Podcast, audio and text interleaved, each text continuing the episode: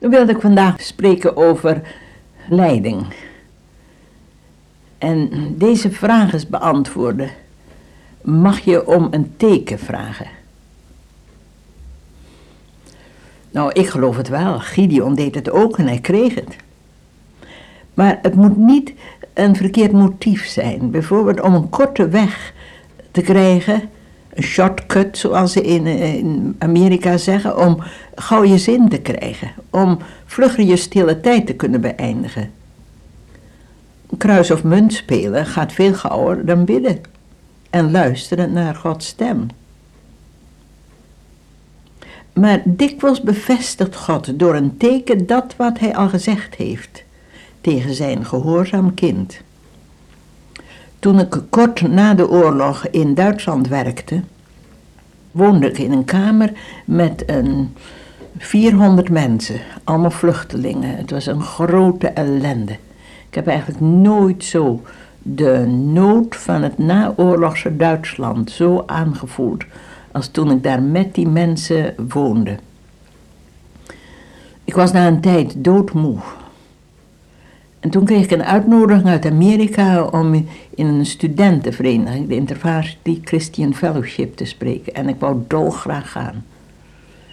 Maar toen werd ik een klein beetje voorzichtig, want als je iets heel graag hebt, dan zou het kunnen zijn dat je al een beetje oppervlakkig zegt, nou ja, eh, dat is leiding van God om te gaan. En toen heb ik om een teken gevraagd. En toen heb ik gezegd, heer, als ik nou vrijreizen krijg naar Amerika, dan zal dat voor mij een teken zijn dat ik naar Amerika mag gaan. Als u me het geld ervoor geeft, dan ga ik er stoelen voor kopen voor vluchtelingen. Want ik had toen in die tijd een 160 vluchtelingen waar ik voor zorgde en ik had geen geld om stoelen voor ze te kopen. Nou, mijn vrienden zeiden, dat betekent dat je geen, niet naar Amerika gaat. Ik zei, waarom niet? God kan toch een wonder doen. Hij kan me toch vrije reizen geven. En toen ben ik naar de maatschappij Oostzee in Amsterdam gegaan. Ik zie me nog staan tussen al die matrozen om aan te, aan te monsteren als stewardess. En de kapitein van de wal die keek me vreemd aan toen ik zei waar ik voor kwam. Hij nam me van het hoofd en de voeten op en dacht zeker, nou, dat is een nogal een oude stewardess. En toen zegt hij, weet u wel dat als, als u naar, met een van onze vrachtschepen meegaat, dan moet u voor hetzelfde schip aanmonsteren voor de terugreis en dan kunt u tien dagen in Amerika blijven. Ik zeg, nee, tien maanden. Juist, zegt hij, dat dacht ik al. U komt niet om een baantje, maar u komt om een beetje goedkoop naar Amerika te komen. Ik zeg, ja, dat is waar. Daar is geen sprake van. Ik denk dat hij wel zag dat ik een beetje teleurgesteld was. En toen zei hij, hoe heet u? En toen zei Corrie ten Boom, wat, zegt hij. Hebt u geschreven gevangen en toch? En toen kregen we een fijn gesprek over je vijanden liefhebben. Want hij vond het heel gek dat ik nou weer naar Duitsland was gegaan. En zegt hij, het zal aan mij niet liggen, juffrouw, dat uh, u vrij reizen krijgt. En ik kreeg het. Dus toen uh, ben ik naar Amerika gegaan en zodra ik in Amerika kwam, kreeg ik een gift en daar heb ik stoelen voor gekocht voor mijn vluchtelingen.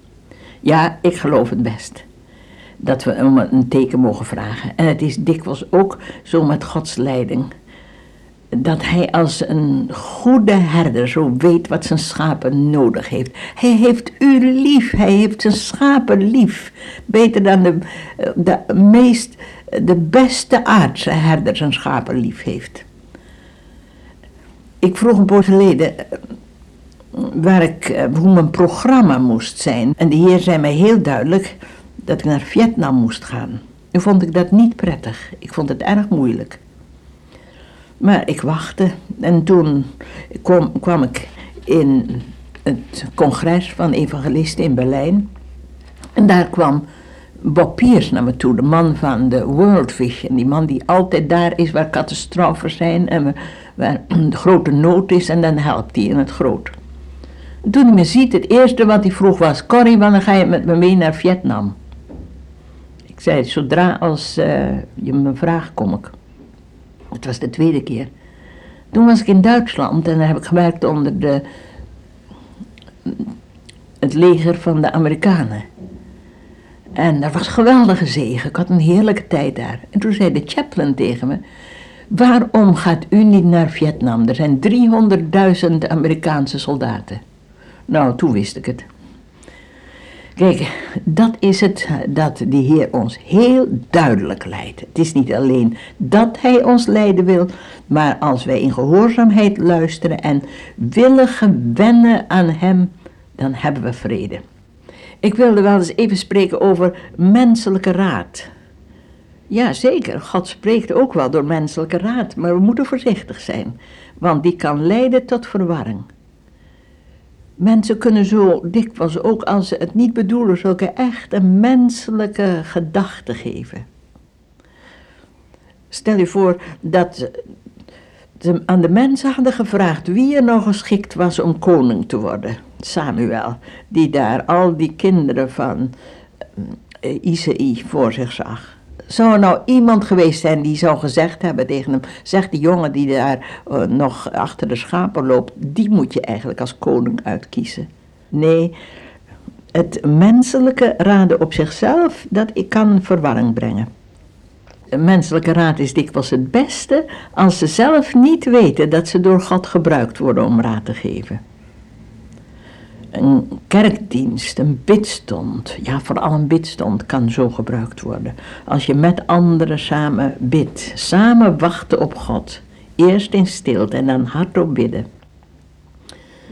En nu is het uh, zo goed om als je een beslissing te maken hebt, een belangrijke beslissing, maar ook een kleine beslissing, om dat helemaal te stellen onder de leiding van de Heer.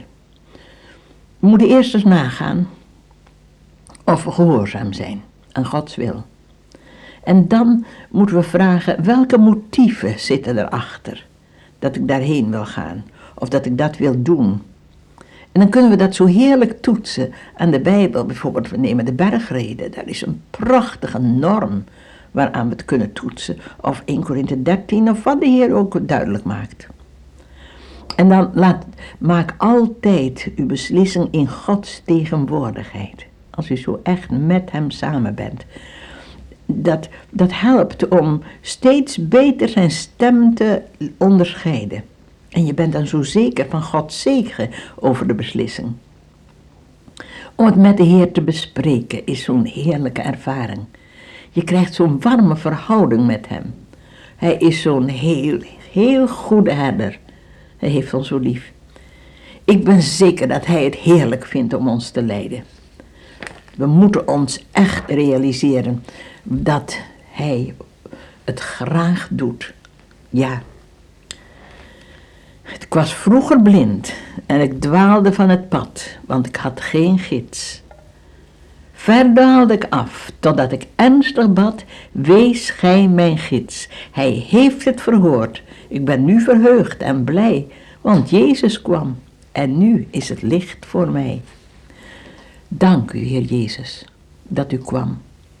En dank u dat u een vriend bent die ons nooit in de steek laat. Ik bid u nu met ieder die op dit ogenblik luistert. Heer, leer ons door uw geest uw stem steeds beter te onderscheiden. Dank u dat u het doen wilt. Dank u voor uw grote liefde. Dank u dat u aan het kruis alle zonden gedragen hebt van de hele wereld, ook onze zonde. En dat u toen het antwoord hebt gegeven op die twee grote problemen in ons leven. Probleem van de zonde en van de dood. Wat had u ons lief?